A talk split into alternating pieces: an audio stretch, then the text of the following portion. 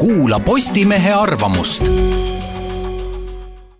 kui võrrelda spordiga, siis on praegused erakondade populaarsuse küsitlused justkui võitjate ennustamine otsustavale mõõduvõtmisele eelneva soojenduse järgi. erakonnad pigem katsetavad oma varsti-varsti algava päris kampaania sõnumeid ning teevad seda esialgu suhteliselt ettevaatlikult. ilmselt ei ole poliitikutel ja kampaaniameistritel endilgi veel päris klaar, millise konkurendiga ja kuidas täpselt on mõtet kõige kõvemini mõõgad ristata, et võitlusest sünniks sünniks valimistel päriselt kasu. sestap näeme praegu vaid ulatuselt mõõdukaid, pigem justkui prooviks ette võetud rähklemisi, uute inimeste värbamist, mida muidugi püütakse kõlavaks rääkida ja muud taolist. ühesõnaga valmistumist eelsoojendust teemade ja sõnumite katsetamist on vaja esiteks selleks, et jälgida konkurentide vastuseid ja jõudu, kes millest ja kuidas tuld võtab. teiseks muidugi ka selleks, et hinnata laiemalt avalikkuse ja potentsiaalsete valijate reaktsiooni.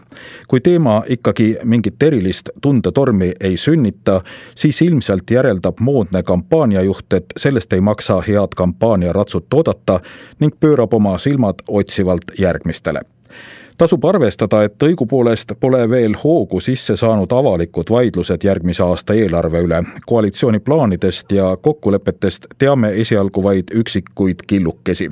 kohe algab aga ses asjas suur võitlus ning loomulikult avanevad nii ka vähemalt mõned väga tõsised valimisteemad ja vastandused.